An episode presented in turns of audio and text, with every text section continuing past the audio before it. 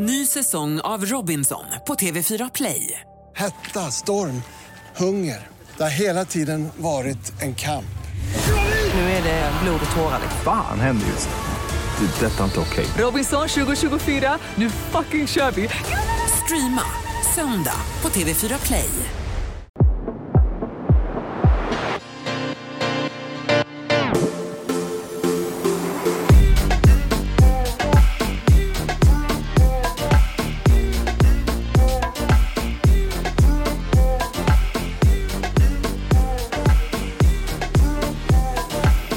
Tanke på att vi har pratat så mycket sex på senaste tiden så kände vi att vi måste bjuda in Nej, men en expert. ja, en expert inom ämnet som Så har vi- koll på det här. Så vi också kan fråga våra frågor. Ja, så vi har bjudit in Malin Drevstam till studion och Ah, jag är så taggad. jag är också så taggad. Så välkommen hit! Tack så mycket, tackar.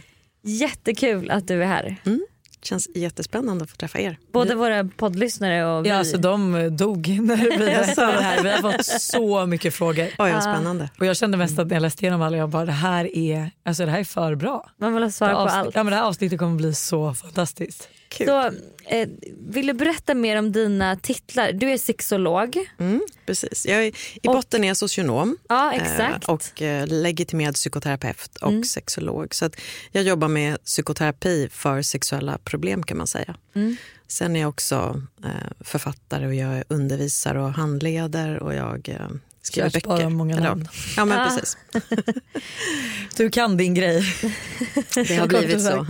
Hur länge har du jobbat inom just eh, alltså, alltså som sexterapeut? Och liksom? Jag har jobbat med sexualitet sedan 2006. Jag började faktiskt som smittspårare på Danderyds sjukhus sex och samlevnadsavdelning. Spännande. Ja, det är ett helt område för sig. För det, det är ett roligt sätt att dyka in på sex. För att även om man kommer in i sex via infektioner, till exempel klamydia, gonorré, herpes, hiv, så de man träffar är ju inte personer som nödvändigtvis har sexuella problem utan de har haft kul och sen har de haft otur. Eller så har de varit lite slarviga eller så har de kanske i vissa fall råkat illa ut. Och då är det du som har spårat. Då har jag fått, eh, alltså man, man tränar på att prata sex väldigt snabbt när man träffar många, många människor och behöver veta med vilka har du haft sex det senaste året och hur har du haft sex så att proverna de ska kallas till, eh, alltså alla kontakterna ska kallas till, behöver ju tas på rätt Sätt. ställen. Ja, Ja. Så att man kommer in ganska fort på slemhinnor och kroppsöppningar och andra saker. Men det gör ju också att man stöter på personer, dels personer som eh, lever i relationer och har fått en könssjukdom utan att ha träffat någon annan. Och då har man kanske haft en partner som har träffat någon annan. Så att det blir mycket kriser och uppdagad otrohet och annat. Och sen är det ju många som har bakterienoja och, och liksom är livrädda för vad det här kan betyda. En klamydia går ju att behandla men många kan verkligen hamna i värsta livskriserna även av en enkel infektion. Bara för att det är så tabubelagt sätt. Ja, men just tabubelagt. Nu vet jag, vi har ju pratat om det här i podden för jag blev ju också, jag fick ju klamydia en gång av min dåvarande kille som var otrogen. Och jag kommer ihåg jag skämdes så mycket. Alltså det var verkligen så här, alltså det var så pinsamt att gå till sjukhuset och vara så här, vilka har du?" jag bara, ja men jag har legat med en person och det är ju han som har smittat mig. Alltså, nej, men det var bara, Ja, Det är väldigt många reaktioner man har fått i rummet. Personer som tänker att en klamydia kan man väl överleva men sättet man får den på kan ju vara oerhört eh, traumatiskt. Och, Gud, ja. och det är mycket som uppdagas och många, det blir faktiskt flera stycken processer samtidigt. Det ena är usch, jag har blivit smittad. Det andra är eh, jag trodde att min partner var någon annan än det, var eftersom personen har varit otrogen och den har dessutom varit otrogen på ett oskyddat sätt som för in mig i fara. Även om jag hade velat skydda mig så har jag inte vetat om att jag behövt skydda mig. Så det sätter igång många olika processer. Sen har jag ju träffat andra människor som har öppna relationer eller människor som bara tycker om att ha mycket sex och haft massor med partners och kommer liksom med böcker och lister med kontaktuppgifter av ren omsorg. Nej, men jag tänkte om jag, om jag får någon infektion någon gång så kan det ändå vara bra att de här går. Alltså, så, så, människor har verkligen olika förhållningssätt till sex och jag har verkligen sett alla, alla, alla olika sätt. Så det Gud var- vad spännande. Jättespännande. Ja. Jättevärdefull väg in i att prata sex med många människor. Och Då ser man ju liksom hur många som verkligen tycker om sex och kanske har otur och blir smittade. Eh, sen träffar man också väldigt många som far illa av sex på olika sätt och inte kan skydda sig för att de blir utsatta helt enkelt. Eller också personer som söker upp destruktiva och farliga situationer där smittan i sig är, ja, men, både kan vara någonting som triggar destruktiva beteendet men också någonting som finns i världen man vänder sig till med många olika, ja, men till exempel sexköpare. Mm. Så att det finns ju verkligen högt och lågt. Men det var en otroligt värdefull skola för mig. Att, att, jag, menar, jag kunde ha typ, vissa gånger hade åtta sådana samtal på en dag och man dyker liksom från hej, välkommen hit, var det svårt att hitta? Eh, hur blev du smittad? Ja, så det är verkligen så här, från noll till hundra in, rakt in i de skämmigaste vrårna för många. Ja. Men så då jobbade du med det först och sen hur kom du in på psykoterapi? Nej, men när man jobbar med smittspårning, då var jag kurator. Mm. Ehm, och sen så upptäckte jag att gud vad det är många som ändå mår dåligt i relationer. Som kanske har sex som de egentligen inte vill. Eller som längtar efter sex men aldrig tror att de kommer få ha det. Alltså jag stötte på väldigt mycket dåligmående kopplat till sex. Och eh, för att kunna jobba med traumatiserade personer eller personer som mår väldigt dåligt så är ju psykoterapeutisk utbildning eh, otroligt viktig. Att liksom förstå vad är det som gör att människor gör såna här saker eller vad är det som gör att man blir utsatt för såna här saker? Hur kan man förstå den här personens situation och sammanhang? Så då pluggade jag till psykoterapeut och sen har jag parallellt hela tiden läst sexologi vid sidan om, senast nu på, på sexologiprogrammet i Malmö. Mm. Så det är, eh, när man jobbar då med personer så här, så, och så frågar man till exempel en sån enkel sak, hur kom det sig att ni inte tog fram en kondom eller använde en kondom? Eh, och då är det lite grann, nej, men jag har fullt sjå att eh, behålla erektionen eller jag har fullt sjå att inte komma för tidigt så jag vill inte lägga till en kondom för då pajar allting. Eller jag vill inte föreslå kondom för vad ska han eller hon tro då om mig i sådana fall. Alltså, så det blir väldigt mycket följdförklaringar som kanske visar att du mår egentligen jättedåligt. eh, Just särskilt kopplat till sexualiteten. Och om du själv kunde bestämma så skulle du inte ha det så här men du vet inte hur du ska ta dig ur. Och så. Så det kändes som en helt... Jag är så jätteglad för min psykoterapiutbildning för det har verkligen hjälpt mig att förstå beteenden som människor ibland ofrivilligt ägnar sig åt fast att de mår dåligt av det till exempel. Gud vad spännande för det är en sån sak som jag inte har tänkt på. Utan jag tänkte att man typ enbart hjälper par som kanske typ har svårt att... Som sexolog menar du? Ja, Ja, att ja, det kanske inte precis. enskilda individer. Det är liksom inte ens... Nej, Vad vad curse intressant. to me. rätt över. Nej. Nej, nej. nej, men det är ju många människor som till exempel upplever smärta vid sex och som är jätterädda för att inleda relationer för förr eller senare kommer uppdagas att de har svårt att ha sex och då kommer de bli lämnade och därför vill de inte ens inleda en relation. Det är jättemånga som har könsherpes som har svårt problem med smärta kopplat till det. Det är jättemånga människor som eh, som är rädda för att de inte ska fungera sexuellt helt enkelt när de väl träffar någon. Så att de, många ensamma människor är rädda för att dejta för att de vill inte att sexuella problem ska avslöjas eller uppstå. Och sen är det jättemånga relationer där de sexuella problemen uppstår i relationen för att man är olika till exempel eller man hamnar i olika livsfaser. Så, så att jag träffar både par och individer. Ja, vi brukar rätt ofta prata om olika kärleksspråk man har. Ja. För att liksom känna den här att så här, ah, ja, men jag vill ha sex. För, men det kan vara helt olika saker. För någon är det närhet, för någon annan är det att man städar. Och, Och jag har ju skrivit en bok som heter Lust och olust som handlar om sex, närhet och anknytning. Och I den kan man se att om du känner dig otrygg i relationer om du har vad man kallar för en otrygg anknytning. Jag vet inte om ni känner till någonting om anknytningsteorin. Jo. Nej. Nej, men det, det handlar om hur vi lär oss relationer och det grundläggs väldigt mycket i de första åren i våra liv. Är människor några, någonting som är bra för mig? Är andra människor några jag kan lita på? Är jag värdefull? Kommer andra människor vilja vara med mig? Kommer andra människor vilja hjälpa mig när jag behöver hjälp? Allt sånt lär vi oss när vi är väldigt, väldigt små. Och om vi inte får positiva, stöttande, stärkande och trygga upplevelser så kan det färga vårt sätt att se på oss själva. Jag är ändå ingenting värd, så jag kan inte förvänta mig något annat till exempel. Eller andra människor brukar svika mig, så varför skulle du vara annorlunda? Och det går vi liksom ut med i livet och det gör saker med våra sexliv ibland. Så att många kan ha sex för att inte bli lämnade. Det betyder ju att sexet i sig inte är skönt nödvändigtvis. Men de har det för att inte verka konstiga eller onormala eller för att de vet att partnern vill det. Om de inte ger det till partnern så kommer de bli lämnade. Eh, så det finns massor med olika skäl till att vi har sex som inte bara handlar om det är skönt. Nej. Nej. Och det är, det är de regionerna jag hamnar, när människor är otrygga, blir, Mm. blir rädda eller otrygga kopplat till sex. Det är då jag kommer in Kommer i in i bilden. bilden. Exakt. Ja. Och du, kommer- ni kommer ju börja med olika retreats nu. Ja men ett- precis, jag och min eh, kompis Bea Karinsdotter har precis startat en serie med retreat som vänder sig till kvinnor eh, i alla åldrar. Som, eh, vi kommer ha en grundläggande nivå där vi jobbar två timmar en vardagskväll där vi pratar om vad som formar en sexuell upplevelse. Det kan vara allt ifrån tidigare erfarenheter till min förmåga att slappna av, min andning, hur rummet ser ut, hur stressad jag är i livet i stort. Det finns massor med saker som påverkar en sexuell upplevelse. Och det kommer, man jobba lite, kommer vi jobba lite grann med över en kväll. Tycker man det är intressant och vill fördjupa det så kommer vi ha heldagsretreats i Stockholm där man får jobba med olika typer av meditationer och rörelser och reflektionsfrågor och annat för att utforska vad skulle jag vilja ha mer av för att tycka att sex känns mer lockande och intressant och för att känna mer lust helt enkelt. Och tycker man det är intressant så kommer vi ha helgretreats där man kan åka iväg. Så att de heter sexuell nyfikenhet, sexuell förundran, sexuell visdom och sexuell urkraft. Och det är olika nivåer. Om man är sugen på att utforska sin Och om man hittar det här på man din liksom kan hemsida då? För Ja. där hittar man ju det mesta. Ja, precis. På min hemsida eh, www.malindrevstam.se kommer jag lägga ut. Man kan också följa mig, Malin Drevstam, på Insta. Så kommer jag puffa när det kommer det bli dags. tillgängligt. Alltså ska vi dyka in direkt på alla frågor för det är många. Jag. Ja, jag tycker det.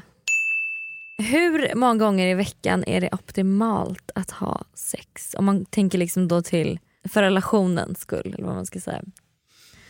Ja, den frågan eh, önskar jag att jag hade ett enkelt svar på. Man kan ju titta på statistiken och vad den säger. Eh, sen om det är det rätta eller inte är inte säkert. Men jag, låt mig backa till och säga, om jag skulle fråga er så här, hur ofta bör man konditionsträna i veckan? Vad tror ni att ni skulle svara då? Tre till fyra gånger i veckan. Tre till fyra gånger? Jag skulle säga att det beror ju helt på såklart vad man är för typ av person. Men Också vad man är för state of mind såklart. Alltså om man... ja, så det kanske är samma med sex. Det varierar från person till person, men sex eh, muskeln eller lustmuskeln är någonting som är enklare om man håller den levande. Om förstår Det här vet ju vi allt om. Nej, men det går verkligen att har man inte sex så kommer liksom vår hjärna, för det är främst i hjärnan som lustcentrum sitter.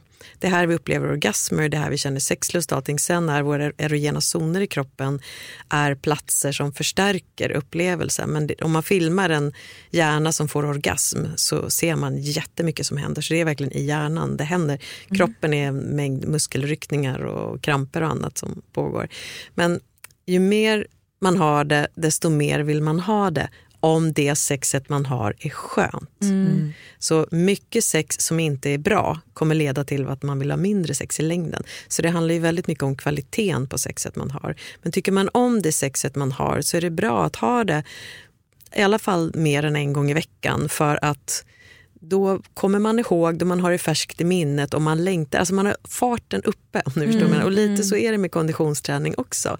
Man kan faktiskt jämföra det lite grann med varandra. Att har du fått upp farten och börjat träna och gjort det till en vana och rutin så är steget inte så stort Nej. att göra det. Men det går också att försoffa sig och tycka att det är enklare att kolla på ett till avsnitt på serien än att klä av sig och börja ha sex. Det är många som, som väljer den utvägen ibland också. Men för det är så intressant för jag vet också, jag har en bekant som jag har pratat om det här med som också sa det att hon hade liksom sex med sin partner för att hon hade dåligt samvete över någonting. Vilket till slut ledde för henne att hon nästan fick ångest av att så här, och nu rör han mig, nu ska vi ha sex, åh nej. Alltså att det blev en dålig grej som hon liksom, ja men på- på något sätt som att det blev, var, hade varit ett övergrepp. Även om liksom den, han, hennes partner hade ju inte alls sett det som ett övergrepp för att hon var ju ändå villig att göra det. Så det är väl väldigt viktigt att man liksom Ja. gör det för sin egen skull och inte för någon annans. Exakt, och den typen av sex ehm, brukar jag ibland kalla för husfridssex. Det vill säga jag har sex för att slippa någonting värre. Det vill säga ångest eller tjat eller sur uppsyn eller eh, en känsla av att vara inte som alla andra för vi har sex för sällan. Så har man sex för husfridens skull, då har man sexet för att slippa någonting värre. Och det gynnar inte synen på varför man har sex utan egentligen så vill man ju ha sex för att man vill förhöja eller vara med om någonting härligare än det som är. Då måste jag ändå fråga om mitt tips, om det är ett bra eller dåligt tips. Det som jag ändå har gett i podden, som jag tycker är ett bra. Ja men det är ett bra tips för du själv du tycker att det är skönt när du väl... Jag kan berätta för jag har ju sagt, alltså, vi har diskuterat sex och allting och, eh, I relation. i relation och så här, jag och min kille har varit ihop i åtta, snart nio år och har två barn så den har ju verkligen gått upp och ner.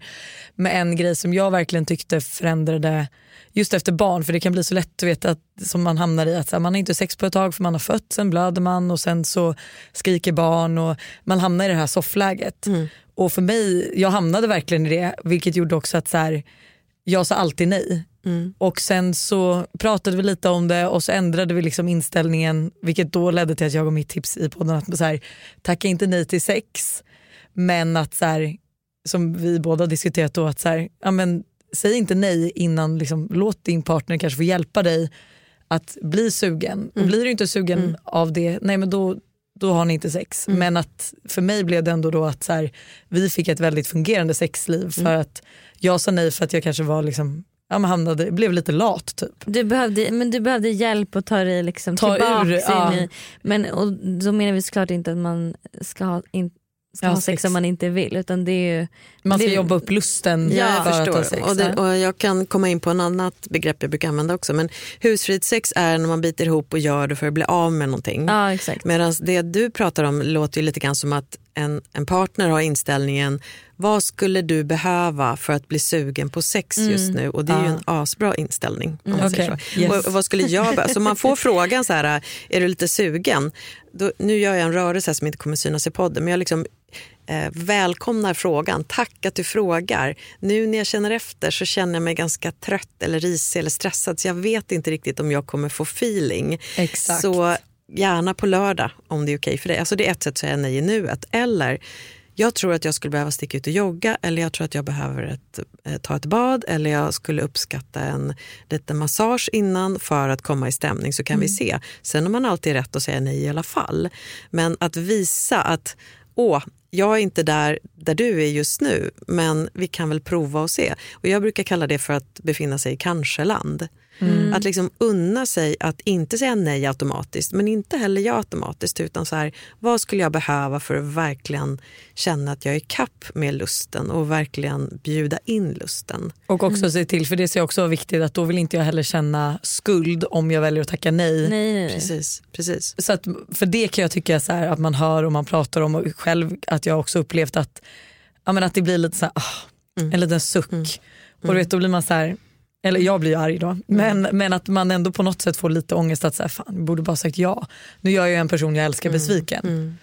Men på ett sätt kan vi tänka så här att om, om du får frågan och inte vill eh, så tänker jag att det är ändå bra att träna på att någon gång ibland stå ut med besvikelsen. För att den andra personen har gjort en ganska sårbar invit och fått ett nej. Då kan man inte förvänta sig att den ska acceptera det med stor glädje. Men, så att, men samtidigt så är det ju ingenting som den personen får använda sig av så att det blir ett vapen. Att alltid Nej. sucka eller stöna, då blir det ju ett vapen i dialogen. Så att det är en ganska fin, finkalibrig avvägning. Men jag har en annan idé och den är vad jag brukar kalla för gåvosex. Och gåvosex är om man får en invit till exempel. Eh, och så känner man inte själv för att man vill ha sex. Men jag tycker om att se min partner njuta och jag har ingenting emot att närvara, assistera, uppmuntra. Så man kan säga så här, åh vad fint att du frågar. Eller jag fattar det som att du är sugen men jag själv är inte riktigt där men jag kan gärna hjälpa dig om du vill. Och gör man det av omtanke, omsorg, med glädje och efteråt så är man glada tillsammans fast att man själv inte har velat ha något fokus så är det någonting bra för relationen. Men man ska inte göra det om det känns dåligt eller ger en dålig eftersmak. Nej. Förstår ni skillnaden? Nej, jag förstår Ja. verkligen. Gåvo. jag, jag brukar skilja på husfridssex som inte är så bra för det kommer att göra att man vill ha mindre sex i framtiden och gåvosex som är ett sätt att liksom lösa en situation när man själv inte är Är på så sugen. men ändå vill se sin partner njuta. Kan det vara farligt att ha sex i vissa tillfällen? I så fall när och varför? Alltså då typ så här, eh, alltså folk undrar efter, alltså under graviditet, förlossning, benskörhet eller liknande. Jag skulle säga så här att det är väldigt sällan sex kan vara farligt. Man kanske behöver... Jag fick frågan i ett annat sammanhang häromdagen, hur är det med sex under vatten till exempel? Eh, och då är det absolut inget farligt att ha sex i ett badkar eller i en dusch, men i en allmän pool kanske inte är jättebra att hålla på superlänge för att det kan komma in bakterier och annat. Men i övrigt så är det liksom inte farligt om man lyssnar på sin kropp, för kroppen vet vad den mår bra av och inte. Så har man till exempel eh, ägglossning och väldigt hårdhänt sex så kan det göra jätteont. Eh, men det är inte skadligt, men det betyder att du kommer ändå associera sex med obehag. Vilket gör att man nästa gång kan spänna sig. Så det är inte bra att ha sex om du har ont naturligtvis. Nej. För att det kan få kroppen att låsa sig inför nästa gång du ska ha sexet. Så att, att hela tiden lyssna på hur känns det här för mig? Vill jag gå vidare eller ska jag stanna upp nu eller ska jag avbryta? är ju väldigt viktigt. Och där kan jag ju tänka mig efter förlossning att det handlar väl om mycket samspel. Att, Verkligen. att så här, vi testar men gör det ont så avbryter man, inte heller genomlider. Och då är det ju lite grann kanske efter en förlossning eller om man har haft någon annan typ av problem eller gjort ingrepp eller någonting sånt i, i underlivet eller på det sättet man har sex så är det ju jätteviktigt att man kanske gör det inte av passion från början utan lite experimentellt utforskande så att man kan hålla tillbaka upphetsningen och kåtheten och inte kasta sig hän utan lite så här en millimeter till, vi andas och slappnar av, en millimeter till, andas och slappnar av, en millimeter till och verkligen prata på den detaljnivån så att det blir en trygg och positiv upplevelse första gången man ska göra det efter att man har ehm, varit med om till exempel en förlossning eller något ingrepp eller så. Och det leder oss egentligen in på nästa fråga. Ja, varför kan det göra ont ibland när man har haft sex? Det är olika saker. Dels är det ju för att ehm, när man har ägglossning till exempel så är man mycket känsligare inuti. Mm. Eh, runt livmodern och, och på andra sätt så är man ju mer, ibland är man mer svullen, ibland är man mer, alltså det kan bli lite blåmärkekänsla ibland inuti om det blir hårda stötar. Eh, ibland är man ju också mycket mer känslig för att man har eh, torrare slemhinnor av olika skäl.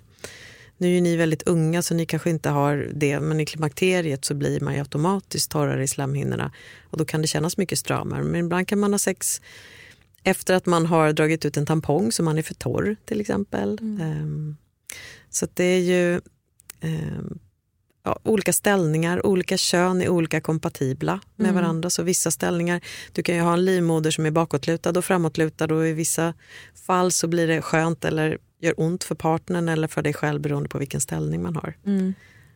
Och om vi pratar om till exempel analsex så handlar det ju väldigt mycket om hur det genomförs. Det behövs otroligt mycket förberedelse och omsorg Mm. för att det inte ska göra ont. Mm. Nej, och där kan jag också, för det vet jag alltså själv att vi har ju vissa ställningar som inte går som är lite tråkigt för att det är ont eller det känns som någonting och då kanske är, man har, är det bakåtvänd. Och, alltså, alltså förstår jag att det känns som Ja. att den tar i. Exakt. Det kan vara att man får en känsla av att slidan är för kort eller vaginan är Exakt, för kort. ja, men att den så dunkar i en vägg Ja, liksom, som gör ont. Exakt, exakt. Och det är ju också för att man spänner sig ibland. För att har man en gång varit med om det så är kroppen väldigt vaksam när man ska vara med om det igen. Och därför så, eh, så är man lite, lite spänd så kommer kroppen blixtsnabbt reagera och stänga sig. För hela bäckenbotten består av muskler som när vi är rädda, stressade eller oroliga så är den spänd och den är förberedd på att, och det har ju med fight and flight tillstånden att göra, att vi ska kunna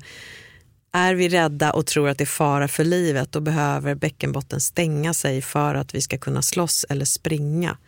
Eh, och därför, Gud vad spännande. Ja, men den är verkligen kopplad till, så är man det minsta stressad på ett annat plan till exempel. Alltså, många pratar om knipövningar för bäckenbotten men det vi behöver träna på som dagens västerländska stressade människor är att bli bättre på att slappna av i bäckenbotten. Mycket bättre på att slappna av i bäck- bäckenbotten. För att när en bäckenbotten är spänd då gör det mycket lättare ont. Okej. Så att träna på, och då kan man säga att knipövningar är ju en väg dit. För att när man gör knipövningar då spänner man ju och sen slappnar man av. Så att man lär sig känna hur det känns när man är avslappnad i bäckenbotten. Mm. Men det är egentligen avslappningen som är det viktiga, inte den starka muskulaturen. Okej. Hänger ni med? Ja. Mm. För att en, en, ett avslappnat underliv är mycket känsligare och har mycket mer blodflöde än ett spänt underliv. Så ett spänt underliv är inte alls eftersträvansvärt om man ska njuta sexuellt. Men det där kan jag tycka, för jag vet att jag började göra knipövningar då efter förlossning och allting men det var ju Mm. mest liksom för att jag kände att jag kunde kissa på mig ibland. Liksom. Ja, ja, men det är bra för Eh, inkontinens att, att Men då har jag upplevt en grej att ifall jag gör knipövningar under sex, nu blir det här väldigt eh, Mm. eh, vet det, personligt, men när, jag, när vi har sex och jag känner att så här, ja, men nu håller jag på att komma och börjar göra knipövningar då kommer den lättare att hålla lite längre. Men, och, och grejen är den att utan att bli för detaljerad så kan man säga att det har att göra med olika delar av vårt nervsystem. För att vi ska känna lust och för att vi ska ha mycket blodcirkulation så att vår, ni vet klitoris, vet ni hur klitoris ser ut? Ja det Mm, ja. hoppas jag tror jag men ser ut som ett, eh, nästan som ett eh, hamburgerkedje M med en liten krok upp till. Mm. kan man säga. Så det är synd att man inte kan visa här i Det podden. är jättekul för min pojkvän brukar alltid säga att han tycker att eh, liksom hela då Fiffi ser ut som en alltså cheeseburgare. alltså, kanske, han var i allmänhet så ser de flesta ut som en cheeseburgare. Ja, kanske det.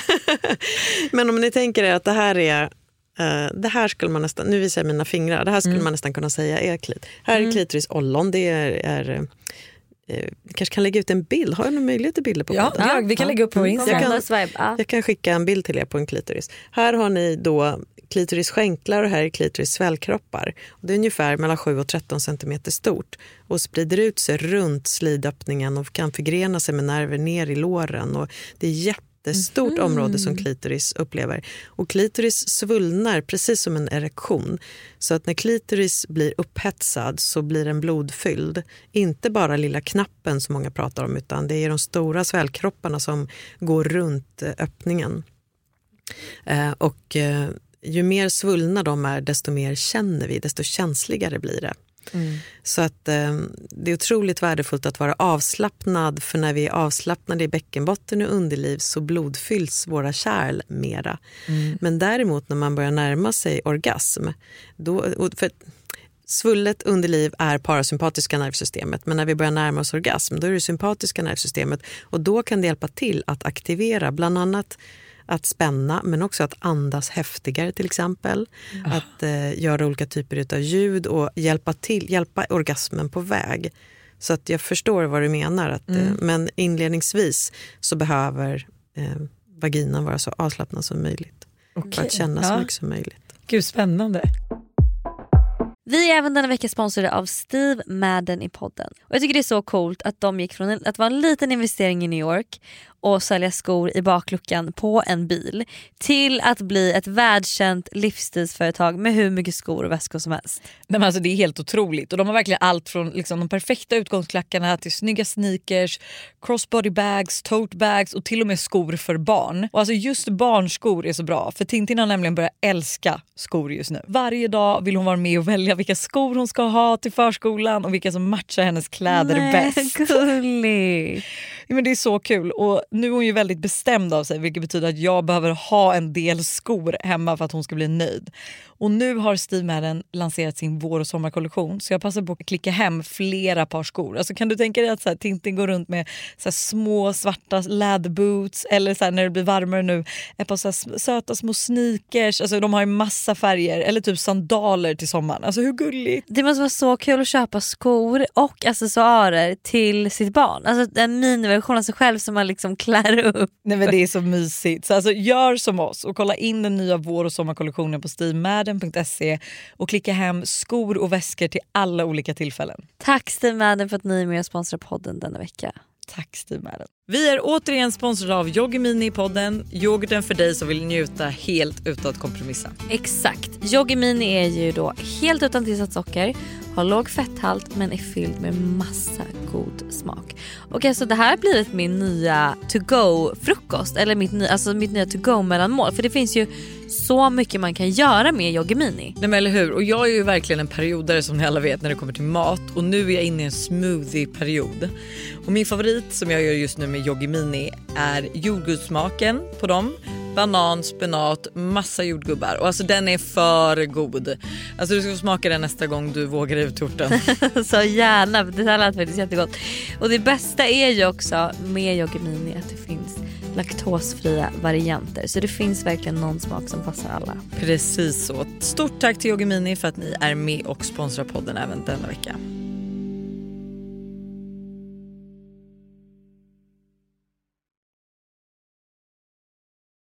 Ny säsong av Robinson på TV4 Play. Hetta, storm, hunger. Det har hela tiden varit en kamp. Nu är det blod och tårar. liksom. Fan händer just nu. Det. är Detta är inte okej. Robinson 2024, nu fucking kör vi! Streama söndag på TV4 Play. Ett poddtips från Podplay. I fallen jag aldrig glömmer djupdyker Hasse Aro i arbetet bakom några av Sveriges mest uppseendeväckande brottsutredningar. Går vi in med hemlig telefonavlyssning och, och då upplever vi att vi får en total förändring av hans beteende. Vad är det som händer nu? Vem är det som läcker? Och så säger han att jag är kriminell, jag har varit kriminell i hela mitt liv men att mörda ett barn, där går min gräns. Nya säsongen av Fallen jag aldrig glömmer på Podplay. Vi var inne lite på um, när man blir äldre då, att slemhinnorna blir torrare. Ökar slash, slash minskar sexlusten överlag med åren? Eller hur ser det ut där? Ehm, inte nödvändigtvis. Ehm, Om man tittar på eh, just klimakteriet så finns det en del som, liksom, har man haft knepigt sexliv så kan det vara skönt att skylla på klimakteriet. Eh, för man orkar liksom inte kämpa mera. Men klimakteriet i sig betyder inte att du har mindre sexlust. Däremot så har du lite mindre östrogen och du har också mindre eh, fuktiga ja, vad heter det? slemhinnor. Och då kan det göra lite ont så man behöver tillföra glidmedel. Men sexlusten behöver inte alls minska bara för att man kommer i klimakteriet. Men om man backar ner till er ålder så är det ju olika saker. Men att trötthet och stress övertrumfar lust. Det bara är så. Har man ett liv som har mycket trötthet och mycket stress så kommer lusten hamna under det. Och det är en ren överlevnadsprioritering. Att om, om din hjärna tror att du har knappt förmåga att överleva för du är så stressad och så trött, då nedprioriterar vi lust bara för att omfördela resurser helt enkelt. Men jag har hört det att, så här, men jag vet inte om det är en myt, men att, så här, ehm, att killar är liksom, börjar som väldigt kåta och ju äldre upp de går desto mindre kåta blir de medan vi kvinnor börjar lite mindre, men ju äldre vi blir desto kåtare blir vi. Och så finns det någon magiskt liksom, i den här grafen att där möts vi och där är vi jämnkåta. Men sen, sen går det ut för igen, stämmer det? Man kan väl säga så här att man är väl jämnkåt ungefär när småbarnen dyker upp och då hinner man inte. Vad bra. Nej, men väldigt många får ju en ny relation till sin kropp. Har man positiva förlossningsupplevelser så kan det innebära en, att man känns väldigt starkt i sin kropp. Och eh, Det kan göra att man upp, uppfattar sin kropp på nya sätt. Så många kan få mycket bättre sexliv efter att man har fött barn till exempel. Men det bygger ju på att man inte är för trött. Ja. Sen finns det ju de som har upplevelser som inte alls blev bra för dem och då kan de känna sig mycket räddare, mycket mer spända och lite oroligare för sex. Men sex över livet kan man väl säga att kvinnor, som, när man inte behöver fundera på om man blir gravid eller inte och när man känner sig trygg i sin kropp och inte funderar så mycket på om man ser sexig ut utan man är mer närvarande i upplevelsen, då blir ju sex skönare. Och för män så är det så att med åldern så minskar deras eh, er, spontanerektion en hel del. Så att det, det blir ofta så att män känner mindre och mindre sexlust med åren och kvinnor har en tendens att tycka om och slappna av mer med åren. Så att Ja. till viss del har du rätt.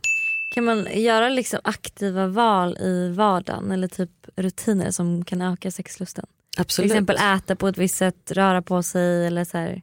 Nej, jag skulle nog säga att eh, det handlar mer om att vara mer, träna på att vara mer närvarande och sänka stressnivån. Mm. Jag, om du är en stressad person, då spelar inte kosttillskott eller någonting vad du äter så himla. Du kan liksom inte tokstressa och sen äta ostron på fredagen och tro att du blir stenkåt.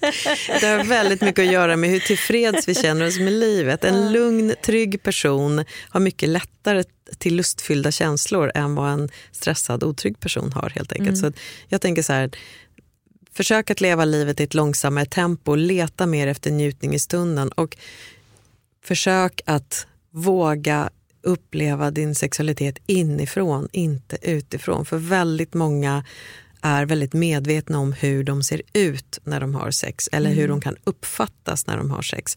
Och om man har ett utifrån perspektiv, det är som du har en ständigt närvarande publik med dig. Och det kommer kunna stöka till det en hel del. För om man vågar blunda när man har sex, om man vågar att ge sig hän när man har sex, så kommer man upptäcka så himla många nyanser av sex som man kanske missar om man hela tiden tänker, ser jag sexig ut nu? Jag brukar skilja väldigt mycket på eh, att vara sexig och att vara sexuell. Det är en stor skillnad för mig. Jag vet inte vad ni tänker när ni... Men det där tycker jag verkligen kommer med åldern. Ja. För det skulle jag säga att så här, ja, men när man kanske började ha sex att då var man, alltså du vet, då, jag tror- vet inte ens riktigt om man reflekterade över att man hade sex utan de mer så här, men gud hur ser jag ut? Hur låter jag? Hur är det här? Liksom. Och så Hur sex- har man sex? Liksom? Ja, nej men exakt och medans liksom att mer, man mer tyckte att det var viktigt att den andra personen hade det skönt än man själv. Man själv skulle bara liksom se bra ut. Eh, och vissa vänner som jag vet liksom, alltså inte kunde ta av sig bhn under sex, liksom inte släppa lös och då är det ju också svårt att njuta om det är någonting som liksom så det är ju tyck, någonting som jag också tycker bara blir bättre och bättre med åren. Som man väl också hade velat att yngre personer liksom tog sig an. Att så här, det är bara en kropp. Alltså så här, ingen tittar heller på hur du ser ut när man har sex utan båda försöker ju verkligen njuta. Och det skulle jag verkligen säga att, eh, att sex, när man känner sig trygg i kroppen kan verkligen nå helt andra nivåer än om man har sex för att göra rätt sak på rätt sätt. Eh, Om vi tänker då sex i långa relationer, där kan ju sexlusten minska lite grann för att eh, man inte längre är lika okänd. Alltså, I början handlar mycket sex om att närma sig och utforska den andra personen. Vem är du? Hur funkar du? Hur kan jag få dig att njuta på bästa möjliga sätt? Och hur kan du hjälpa mig att njuta på bästa möjliga sätt? Men när man varit ihop i många år, men jag och min man har varit ihop 23 år, så man känner varandra ganska mycket ut och in och då behöver man träna på att fortsätta vara nyfikna på varandra. För att jag funkar inte på samma sätt nu som för 20 år sedan. Men om inte vi hade fortsatt varit ute nyfikna på det så hade vi inte uppfattat det. Utan man tror att man känner en annan människa men det är inte säkert. Den kan ju, men jag gillade inte sushi första gången jag provade nu älskar jag det. Och det är lite så med sex, jag kanske inte gillade något då som jag plötsligt nu är jättenyfiken på. Eller så gillade jag det något då som jag känner mig helt färdig med nu. Liksom. Så man inte behöver sluta liksom, vara nyfiken. Exakt, det är det absolut bästa rådet jag kan ge om man vill fortsätta underhålla eh, sexualiteten. So baby, don't stop what you're doing. Uh huh. Uh. Softer than a mother, boy. I know you wanna touch. Breathing down my neck, I could tell you wanna. Här är någon som undrar hur får man sin partner, då kille, att hålla längre? Han kommer jättesnabbt och sexet blir så kort. Har ni några tips? Ja, du pratar ju med Sveriges expert på tidig utlösning. Jag har faktiskt skrivit en bok som heter Tidig utlösning. Jaha, är det Jaha, så? nej men gud vad kul. Du har Eh, kommit rätt alltså, den här Ja, frågan exakt, hamnade exakt. precis rätt. Mm. Det finns väl inga snabba tricks och fix, tricks och fix för det. Men eh, det är väldigt värdefullt för, eh, för mannen att känna sig trygg och själv få vara den som bestämmer Mm. i vilket tempo och vilken hårdhet och hastighet och så som, som sexet går till. Även om du själv, alltså om du hetsar partnern för att du själv vill ha hårt eller snabbt eller så, så man behöver liksom den som har klurigt med det sexuella, oavsett om det är smärta eller hastighet eller styvnad, behöver få vara den som sätter agendan lite grann. Eh, För att annars så kan man inte lära sig något nytt. En person som har lärt sig att eh, onanera i sammanhang där det inte funnits något utrymme för privacy, alltså kanske inte haft lås på dörren eller det har bankats på toadörren för att hela familjen ska hinna duscha och så här. Då lär man sig att onanera snabbt. Eh, och sen blir det en inlärd för, förmåga som man sen kanske har när man är tillsammans med någon annan också. Ibland handlar det om det, absolut inte alltid, men då behöver man lära om. Att, att till exempel skulle jag säga att, att prova att inte ha ett så aktivt penetrerande utan låta personen komma in bakifrån till exempel, eller skedpositionen. Eh, att ligga passivt stilla. Att personen får vänja sig vid att vara inne i en varm, härlig, fuktig miljö och långsamt, långsamt vänja sig vid det. Och sen kanske försiktigt själv få bestämma tempot utan att du som partner hetsar på eller stressar. Eh, Det kan göra jättestor skillnad. Mm. Men ja, det finns ju liksom hela behandlingsprogram för hur man kan träna upp sin förmåga att hålla tillbaka utlösningen lite längre. Men då handlar det om en otrolig förmåga till närvaro i sig själv hos mannen. Så att det, jag skulle säga att om du är partner till en person som kommer tidigt så var inte dömande, försök att inte bli frustrerad eller himla med ögonen eller få personen att skämmas. Den gör det tillräckligt ändå kan jag säga. Mm. Däremot så kan ju ibland personen behöva lite uppmuntran, att det kanske finns sätt. Har du undersökt? Har du kollat? Mm. För väldigt mycket handlar om att våga gå in i och möta kroppens reaktioner. Men ofta försöker man tänka på räkningar och isbjörnar istället.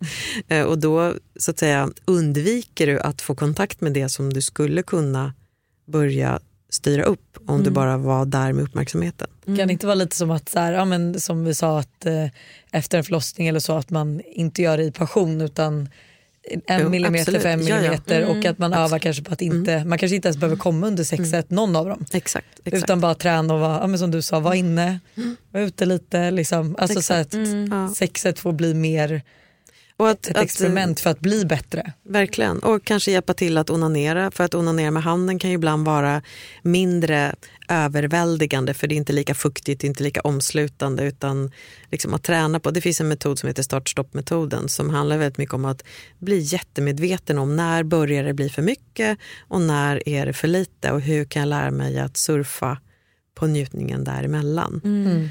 Så, att, det är, så, så sex är verkligen inte en naturlig medfödd förmåga utan sex är en färdighet som vi lär oss.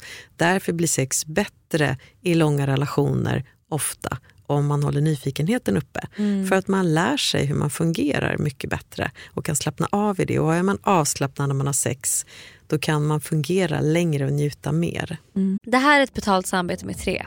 Alltså Hanna, häromdagen var jag verkligen med om ett riktigt aha moment. Alltså du vet när man inser något som man inte visste förut och bara, nej men just det, så är det ju. Berätta. Alla vet ju att man ska dricka mycket vatten. För det är ju bra för kroppen, hyn, håret och ja, alltså det, är, det ska bara vara bra helt enkelt. Men tydligen så är det en myt att man får mer återfuktad hud av att dricka mycket vatten. Va? Alltså det finns inte någon forskning som visar på det utan det som betyder något är vilken rengöring man har och till och med att ha rätt vattentemperatur i duschen. Du dri- alltså det här hade jag ingen aning om. Det här är någonting jag verkligen trodde var, att det var så. alltså jag känner mig helt chockad men alltså för att vi ska liksom hålla oss till någonting som är sant då så är det faktiskt att Tres nätverk numera täcker hela 99,3% av Sveriges befolkning som avser röstteckning baserat på folkbokföringsadress. Och ni kan läsa mer om det här på 3.se och det tycker jag också är ett riktigt aha moment. Ja men exakt och tack igen till Tre som är med och sponsrar oss och kom ihåg, allt är inte som du tror. Tack Tre för att ni är med och sponsrar podden. Ny säsong av Robinson på TV4 Play. Hetta, storm, hunger. Det har hela tiden varit en kamp. Nu är det blod och tårar. Fan händer just nu. Det. är Detta är inte okej. Robinson 2024, nu fucking kör vi! Streama söndag på TV4 Play. Ett poddtips från Podplay. I fallen jag aldrig glömmer djupdyker Hasse Aro i arbetet bakom några av Sveriges mest uppseendeväckande brottsutredningar. Går vi in med hemlig telefonavlyssning och, och då upplever vi att vi får en total förändring av hans beteende. Vad är det som händer nu? Vem är det som läcker? Och så säger han att jag är kriminell, jag har varit kriminell i hela mitt liv men att mörda ett barn, där går min gräns. Nya säsongen av Fallen jag aldrig glömmer på Podplay. Och här har vi också, det är många som har frågat att ens partner vill ha mer sex än vad man själv vill. Där tycker jag vi ändå varit inne och snuddat lite. Men eh, alltså, vad skulle du säga typ är de viktigaste grejerna man ska tänka på då? Att så här, okej, min partner vill ha sex och man, man får det här dåliga samvetet att man själv inte vill och man känner sig inte lika sugen och då kan ju andra frågor komma att så här, är jag kär? Är jag liksom, Hur gör man för att jobba med det där med sin partner? Jag skulle säga två saker. För att det, jag träffar ju både kvinnor och män och jag träffar samkönade par och det är ofta någon som vill mer än den andra. Det är verkligen dilemman i många relationer. Och över tid i en relation så är det så. Man kommer aldrig vara matchad, utan ibland kommer det funka. Och då kan man glädjas åt det. I övrigt så kommer man vara i olika fas. Eh, det är mer normalt att vara i olika fas än att alltid vara i samma fas. skulle jag säga. Så att slappna av, det är så sex är över tid i en lång relation. Men om man tittar på den som vill ha mer sex, den kan fundera på varför vill jag ha sex just nu? Att ställa sig den frågan, ibland kan det automatiska svaret vara därför att jag tycker det är skönt, jag tycker om att känna närheten, det är ett sätt att visa att jag älskar någon och det är ett sätt att njuta för egen del.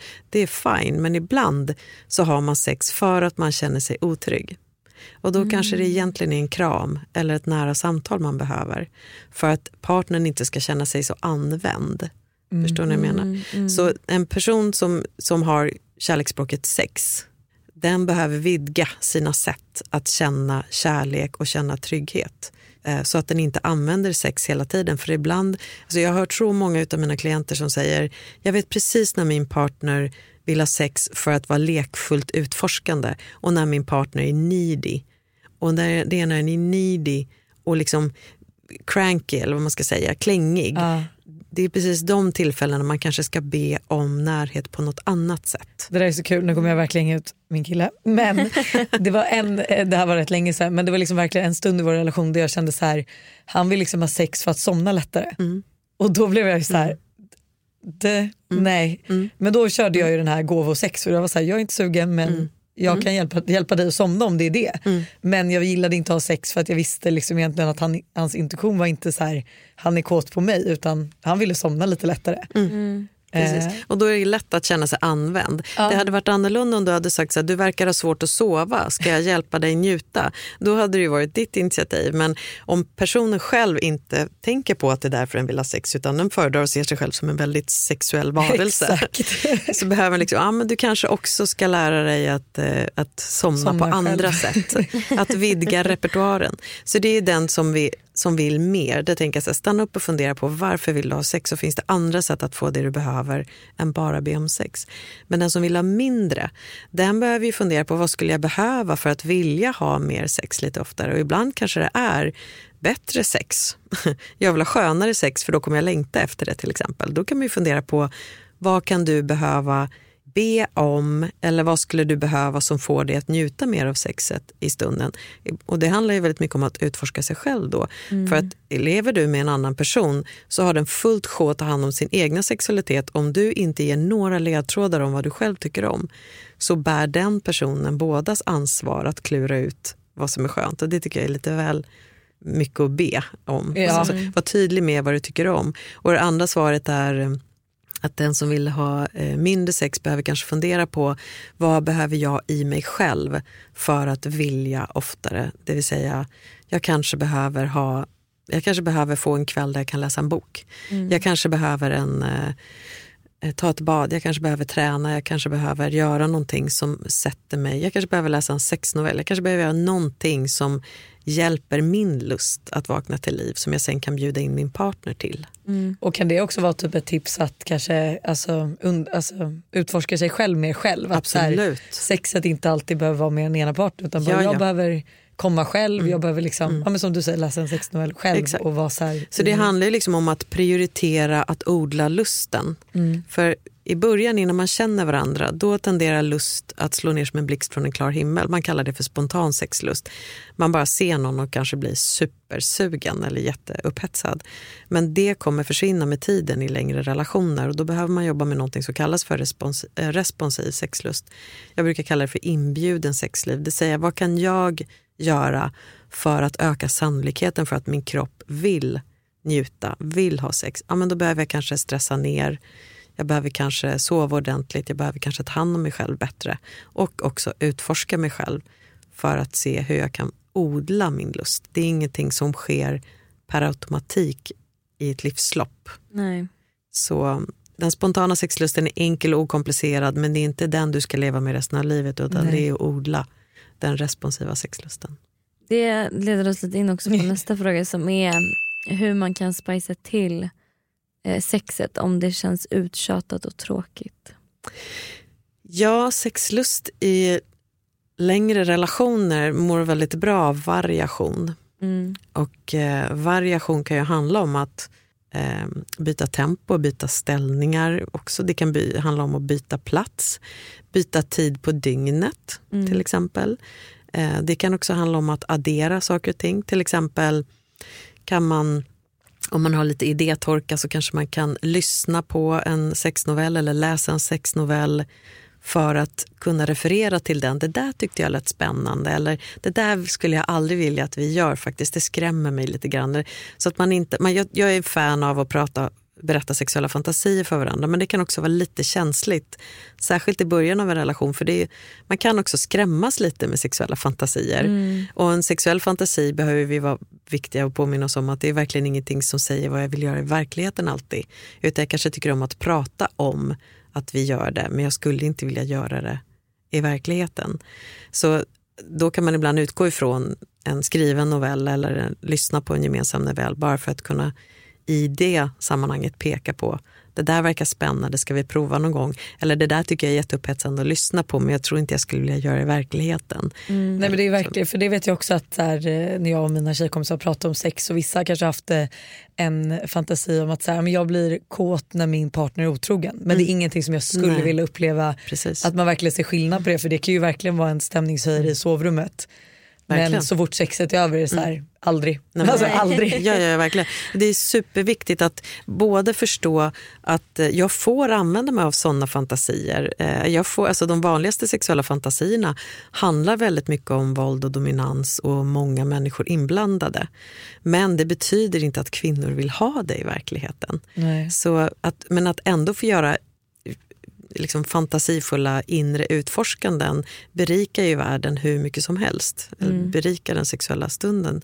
Men det kan som sagt vara skrämma en partner att få höra jag drömmer om att du är med andra. Va? Vill du att jag ska vara med andra? Eller jag drömmer om att jag är med andra och du tittar på. Va?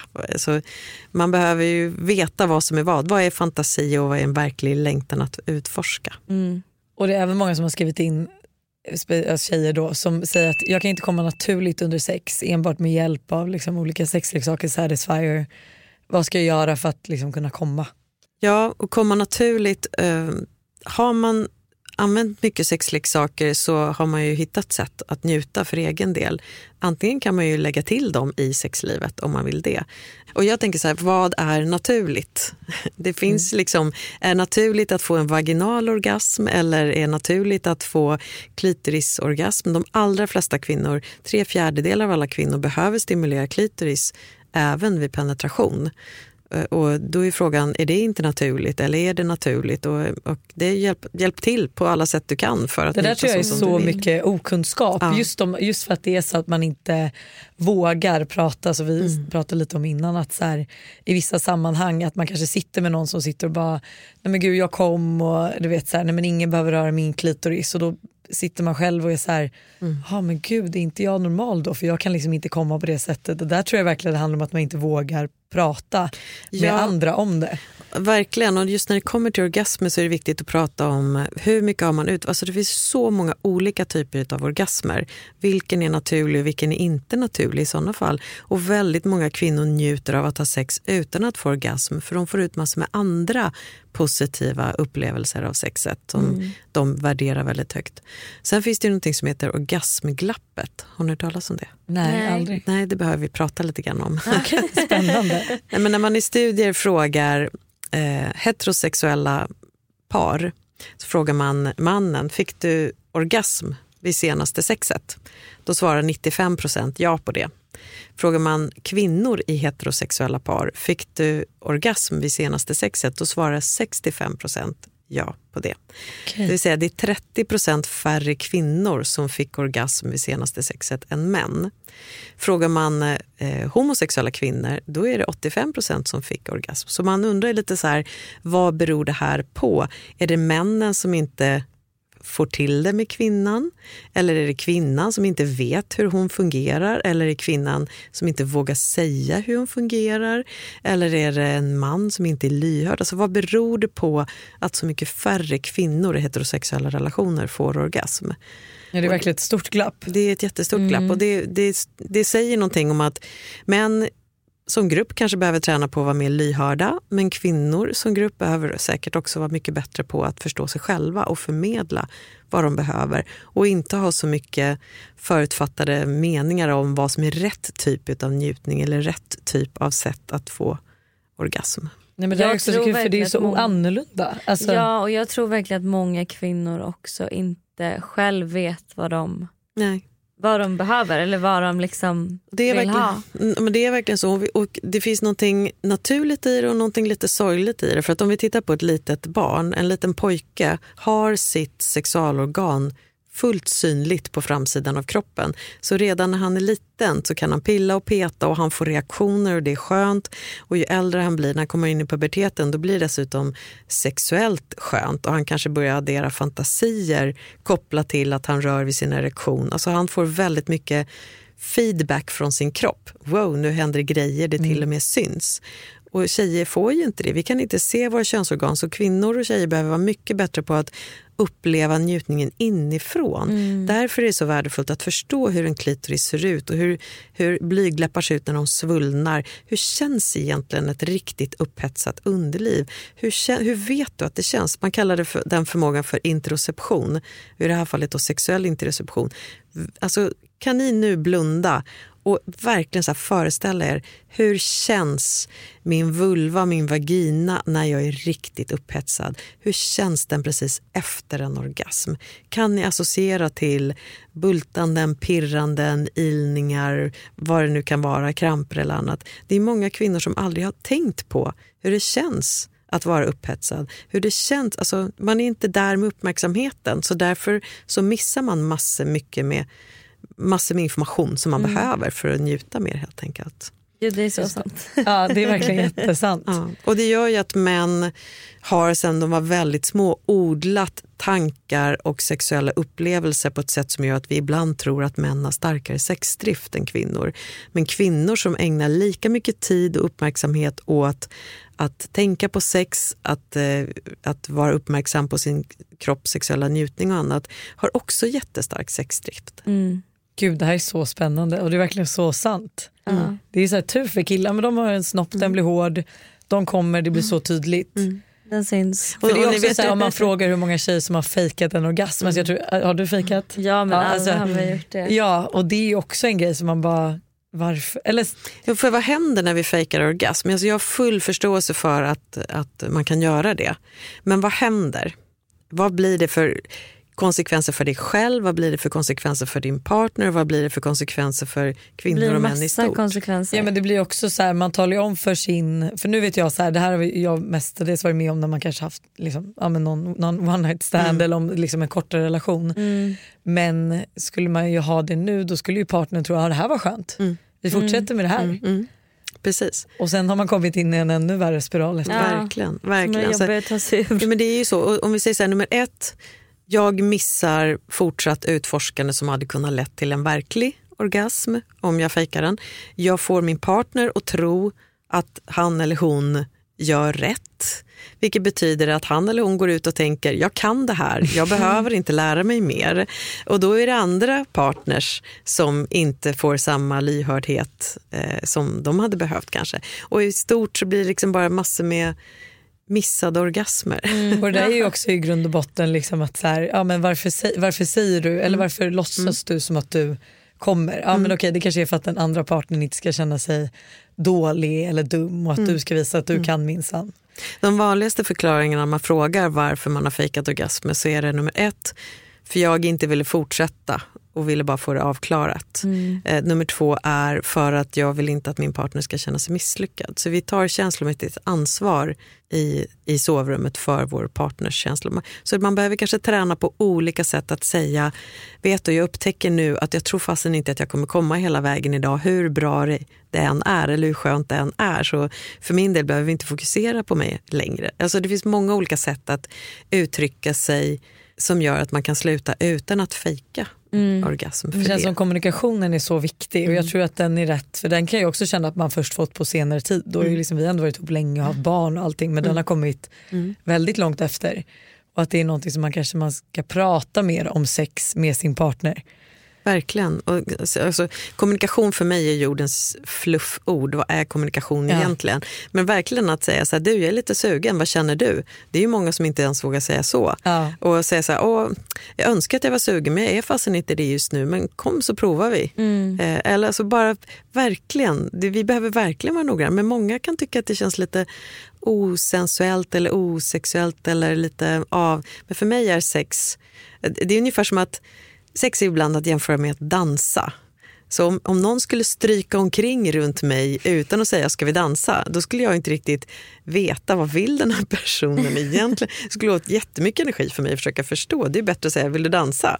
Absolut. Och det är det som är när vi vågar vara tydliga med varandra, då kan vi tillsammans utforska hur mycket som helst. Men om vi är otydliga mot varandra, då går all energi åt att försöka fatta varandra eller slicka såren när vi missförstår varandra. Men och jag tror också det blir lättare ju mer man kommunicerar och pratar om det. Det var typ bara nu innan vi skulle spela in det här avsnittet så satt jag och käkade lunch med min kille. Och då var det så jag bara, vad, vad känner du vi måste förbättra i vårt sexliv? Och jag bara, vad? Du vet, så här, och han bara, men gud ska vi prata om det här nu? Jag bara, ja men det kan vi väl göra. Bara för att här, jag också vill att Att det fortsätter vara bra. Ja, men att, och att liksom det aldrig ska vara att vi alltid ska kunna prata om det oavsett vilken situation vi är i. Och att så här, det, jag frågar bara för att jag vill att, så här, jag, inte för att någonting är dåligt men jag vill Nej. bara veta, Veta vad vi ska fortsätta med och som du bättre. också sa att här, i av, början göra att mindre man av. kan bli kåta och bara kolla på varandra.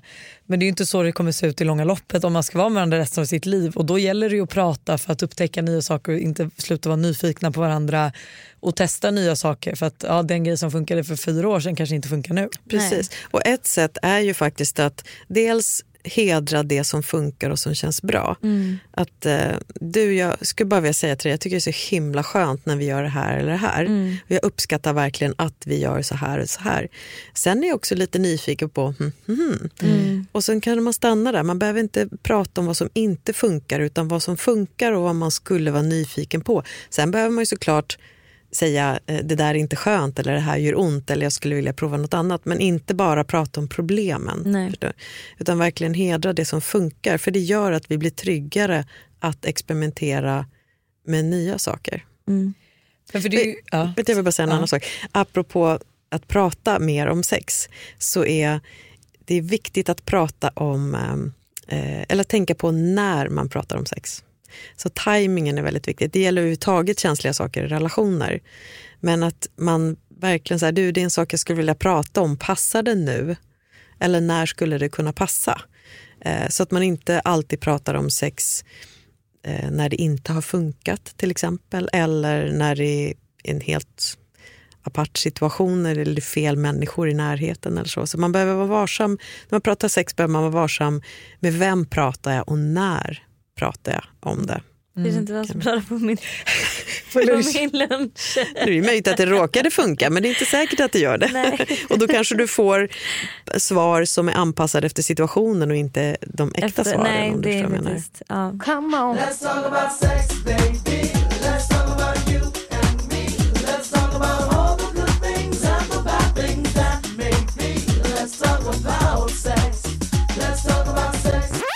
Och då kan man säga ändå, för det är någon som frågar, att så här, det pratas mycket om att tjejer har, inte, ha, inte har lika hög sexdrift som killar. Och undrar om det stämmer. Men då egentligen kan man dock säga att alltså, killars sexlust kanske är lite lättare och tjej, alla tjejer kanske inte upptäckt sina sin Jag skulle säga att killar har odlat sin sexlust sedan de var pyttesmå. Ja, Och det har inte tjejer gjort. Och det har förfärliga förklaringar om man tittar på hur kvinnans sexualitet har varit bannad och förbjuden och syndig och allt sånt. Så, men, så jag tycker att vill man verkligen jobba på kvinnans position i samhället så börja med att utforska det själv och våga låta det ta plats. Mm. Ja, bara det att det har varit tabubelagt för tjejer att ligga med många. Mm. För det kommer jag ihåg, det var ju en grej när jag var liten att man ville ha få på sin ligglista. Mm. Mm. Och sen efterhand kan man känna så här, va? Mm. Mm. Det var ju dumt. Ja. Ja, precis. Jag, jag vill ändå slänga med en lite så här, fundera på varför du vill ha sex Mm. och om du har många partners. För att, så det är verkligen inget problem med att ha många partners, men just det här, har jag mycket sex för att inte känna mig annorlunda? Har jag mycket sex för att jag vill ha bekräftelse? Har jag mycket sex för att jag vill få en stämpel i baken på att jag är jädrigt duktig? Eller har jag sex för att jag vill odla en relation med den här personen? Alltså, man kan ha sex av väldigt många olika motiv och börjar de bli mindre sunda motiven så kan du hamna i mönster som egentligen inte är så himla bra där din syn på ditt sexliv i efterhand blir lite besk. Eller lite. Så liksom, var, var varsam med, är det viktigt för mig? Vad är det jag får ut av det och varför gör jag det? Och, och är det, skulle jag kunna få det jag vill ha på något annat sätt också? Vi kommer köra en sista fråga nu och sen så har vi en lite längre problem eller dilemma som vi vill ta upp. Vilka är de vanligaste fetischerna du har stött på? Vanligaste? Som också, vad är en fetisch? Alltså vad räknas, är Ja. det liksom när man har ett Alltså för det är ju någonting som man anser vara lite ovanligare. Alltså fetisch är ju egentligen när man har varit med om någonting som har fått en extremt sexuell laddning så att jag har svårt att ha sex utan det. Okej. Så att bara för att jag tycker att det är sexigt med eh, en viss typ av kläder eller en viss lukt eller en viss eh, sko eller så, så behöver inte det betyda att det är en fetisch. Vi slarvar lite grann med det begreppet. Så i min värld, den sexologiska världen, då är ju fetischer, jag måste ha sex med den här saken eller på det här sättet för att det ska funka för mig. Spännande. Då, då kan det ju vara allt ifrån eh, liksom ballonger till eh, alla möjliga former av annorlunda saker. Så att jag tänker mer att det kan handla om att men traditionellt sexuella saker som skor eller eh, olika typer av kläder är väl det vanligaste. Mm. Som, men jag har ju haft personer som har sökt hjälp för fetischer som har varit väldigt speciella. Um, allt ifrån jag måste alltid lukta på en kvinnotrosa samtidigt som jag har sex. Eller jag måste alltid, alltså det finns ju, man kan ha fått en sexuell laddning på massor med olika sätt. Gud vad spännande och det kan man ändå liksom jobba, alltså jobba bort om man tycker att det är jobbigt. Nej men egentligen är det faktiskt så att det är inte så himla framgångsrika behandlingar när man jobbar bort fetischer. Det är svårt att avsexualisera någonting som har fått en extremt stark sexuell laddning. Däremot så kan du lära dig att inte vidmakthålla det eller odla det. Så att även om du vet att du går igång på att gnugga dig mot träd eh, så, så behöver du kanske träna upp massor med andra sätt som också gör sex härligt och skönt för dig. Eh, men du kan inte sluta tycka om att gnugga dig mot träd på, sä- på, på särskilt lätt sätt. Förstår ni vad jag menar? Ja, jag förstår. Men det led, jag har en till fråga, den här, alltså, men det var bara som jag kom att tänka på. Men hur, alltså sexberoende, eh, är det lätt att jobba bort? Eller hur vet man att en person är sexberoende? Ja, man använder inte riktigt de termerna. In, inom, Nej. eh, man pratar om hypersexuella beteenden. Där, Okej. Och det är när du har eh, tankar på sex eller sexuella beteenden eller handlingar för dig som går ut över ditt liv annars. Alltså du avstår från saker som är viktigt i ditt liv eller det blir problem i relationen eller du kanske inte sköter ditt jobb eller du fastnar framför en, en dator eller hela tiden är på jakt, jakt, jakt. Så att när det blir en, beskrivs som vilken beroendeproblematik som helst, när det tar över ditt andra liv eller övriga liv, eh, då är det ett problem. Sen finns det ju de som kanske pratar om sexberoende för att de tycker att partnern porrsurfar för mycket. Men det, är inte, alltså det beror lite på, man behöver verkligen vara noga med att definiera mm. Ehm, när blir det ett problem för dig, det här som du gör? Ja och hur har det liksom, för jag kommer ihåg att det var ju någonting på Nyhetsmorgon och då var det en kille som har blivit eh, sexberoende på grund av att han började kolla porr Mm. i tidig ålder. Mm. Och eh, sen utvecklat ett beroende då, eller hyper, Mm. Hypersexuellt. hypersexuellt Ja, mm. beteende. Ja. Eh, nej, men som gjorde att han, ja men det förstörde han liksom, ja men det var som att han var spelberoende fast Mm. han var Absolut. Porrska, eller porrberoende. porrskadad. Ja. Ja. Ja, men jo, men det kan ju hända, verkligen. Ehm, så det blir när, när liksom hela din, din livsstil går i den riktningen så att det förhindrar positiv utveckling i andra områden som du hade velat ha. Så att om man säger så här, om du onanerar och mår bra av det efter varje gång, då har du inte ett problem, även om du onanerar ofta. Okej. Men mår du dåligt och önskar att du inte hade gjort det efteråt, då börjar det likna ett problem. Mm. Oj, vad bra sagt, det var verkligen konkret. Okej, sista då, en lite längre fråga som vi har fått. Jag har en partner som gärna vill att det ska gå fort och inte ta sig tiden. Jag och min kropp behöver dock ett längre förspel för att kunna njuta. Jag har försökt ta upp detta men ingen förändring har skett. Det har snarare blivit mindre sex efter detta. Jag behöver därför förbereda mig själv innan för att det ska vara skönt. Och det är oftast jag som får ta initiativ. Vilket känns ännu sämre. Vi har just nu inte sex eh, oftare än max en gång per månad. Vi har inga barn om det är relevant och en ganska bra balans mellan jobb och fritid båda två. Hur kan man på ett bra och framgångsrikt sätt få sin partner att vilja investera mer tid i förspel för att få en bättre upplevelse tillsammans? Är trött på känslan av att bara han vill få det överstökat. Jag vill ha mer passion och mer njutning. Åh, vilken fin fråga och vilket viktigt... Bra formulerat också. Mm. Ja, men också viktigt eh, observandum, eller vad man ska säga. Så här, för om jag sammanfattar frågan så hör jag att hon, hon, de har inte det sexet hon njuter av. Nej. Utan hon upplever att han är för målmedveten, det ska gå fort. Mm. Eh, och när hon försöker signalera jag skulle vilja att vi ägnade lite mer tid åt mig för jag behöver det. Då uppfattar hon det som att han är mindre intresserad och tar initiativ mindre. Mm. Eh, och nu hänger det i princip på henne att sex blir av. Mm. Ehm, och det tänker jag ju visar ju en partner som inte är så himla lyhörd för vad hon verkar behöva. Och som kanske har en, en förväntan om att sex inte borde vara så komplicerat eller så krångligt. Men nu är det så att han har tydligen en partner som funkar på ett annat sätt än vad han tror. Om det är en manlig partner. Fattar ni? Om Ja, jag tror det var Ja. det. Ja. Ehm, så hon, hon behöver fortsätta ta sig själv på allvar för det kommer inte bli bättre om hon inte gör det. Och är det så att, att han känner att men vet du, jag tycker du är för komplicerad, jag orkar inte ha sex på det här omständiga sättet. Om det är det det landar i så måste de ju ta lite ställning till vad det betyder för Mm. deras relation. Mm. För hon vill ju ha någon som är intresserad av vad hon tycker om.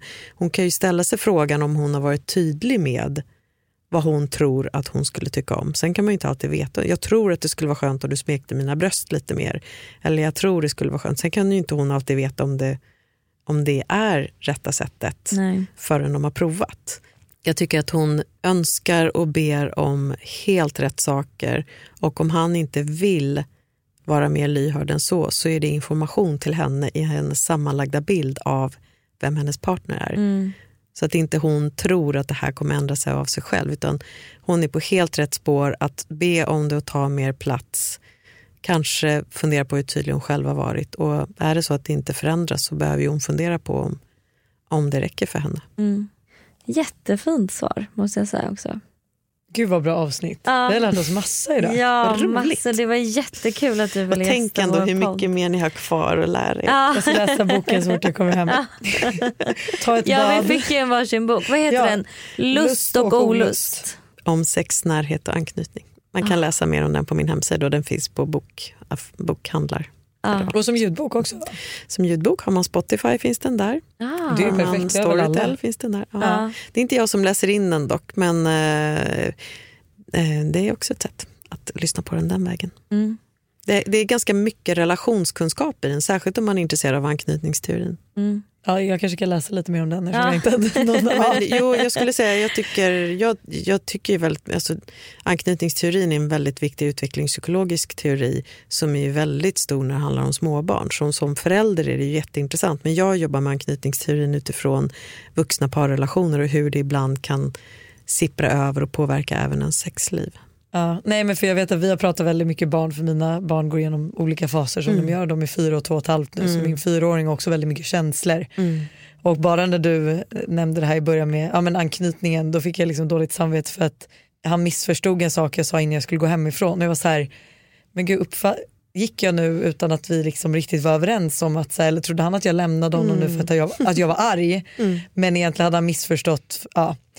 Men det är så jag- mycket sådana grejer man Ja. tänker på. När man ger sig in och funderar på att lära sig mer om anknytning då är det lätt att få lite ångest, särskilt om Ja. man har barn. Men det är en viktig teori eh, och det jag vill säga är att det viktiga är inte att man inte missförstår varandra eller hamnar i konflikt. Det viktiga är hur vi lär oss att reparera när en konflikt har uppstått. Mm. Och det är en väldigt fin egenskap i alla relationer. Att jag är ledsen att det blev som det blev. Nu tänker jag att du inte behöver gå hem och prata med din fyraåring om hur det blev, för det har han eller hon redan glömt för Ja, länge det var sedan. också Så att jag råkade säga, han hade sin eh, kompis över, eh, de åt lunch liksom, och sen så spillde han vatten och så hade han bara spillt vatten på hennes del av bordet. Så då sa jag, nej men eller sätt dig här nu ska jag torka upp så kan du äta upp. Och då fatt, uppfattade han att jag sa att hon var den enda som skulle få äta upp, han skulle inte få Mm. äta resten. Och det var inte det jag menade och sen kände jag, så här, för- fick jag det förklarat nu? Men det är ju sådana grejer, men det är, Ja. jag tycker det är, alltså, det är jätteintressant Ja, just det här med och barn. Och, ja. Eh, Och viktigt. Det är viktigt med trygghet och beröring och närhet och känslomässig bekräftelse som barn. Och då Det kan så- det ju vara bra att få lite ångest för då får man ju ändå en tankesätt att hur man ska... Ja, men det är inte oviktigt hur vi är föräldrar. Inte Nej. på något sätt. Det har verkligen betydelse. Och ju mer vi hedrar den betydelsen, desto större sannolikhet att vi gör det som är bra för relationen och för barnets utveckling. Fick vi in barn där? Ja. Ja, men tack så hemskt mycket att du kom hit. Ja, Ja. tack för att jag fick komma. Vill du kanske bara säga sista vart man hittar dig? Ifall att, eh, våra Ja, man lyssnare... hittar mig via min hemsida www.malindrevstam.se. Yes. Man kan också googla Malin Drevstam på Spotify så hittar man min egna podd som jag hade för ett tag sedan. Ah, Sexterapeuten heter den. Eh, och ja, perfekt, tack Gud, så jättemycket. tack.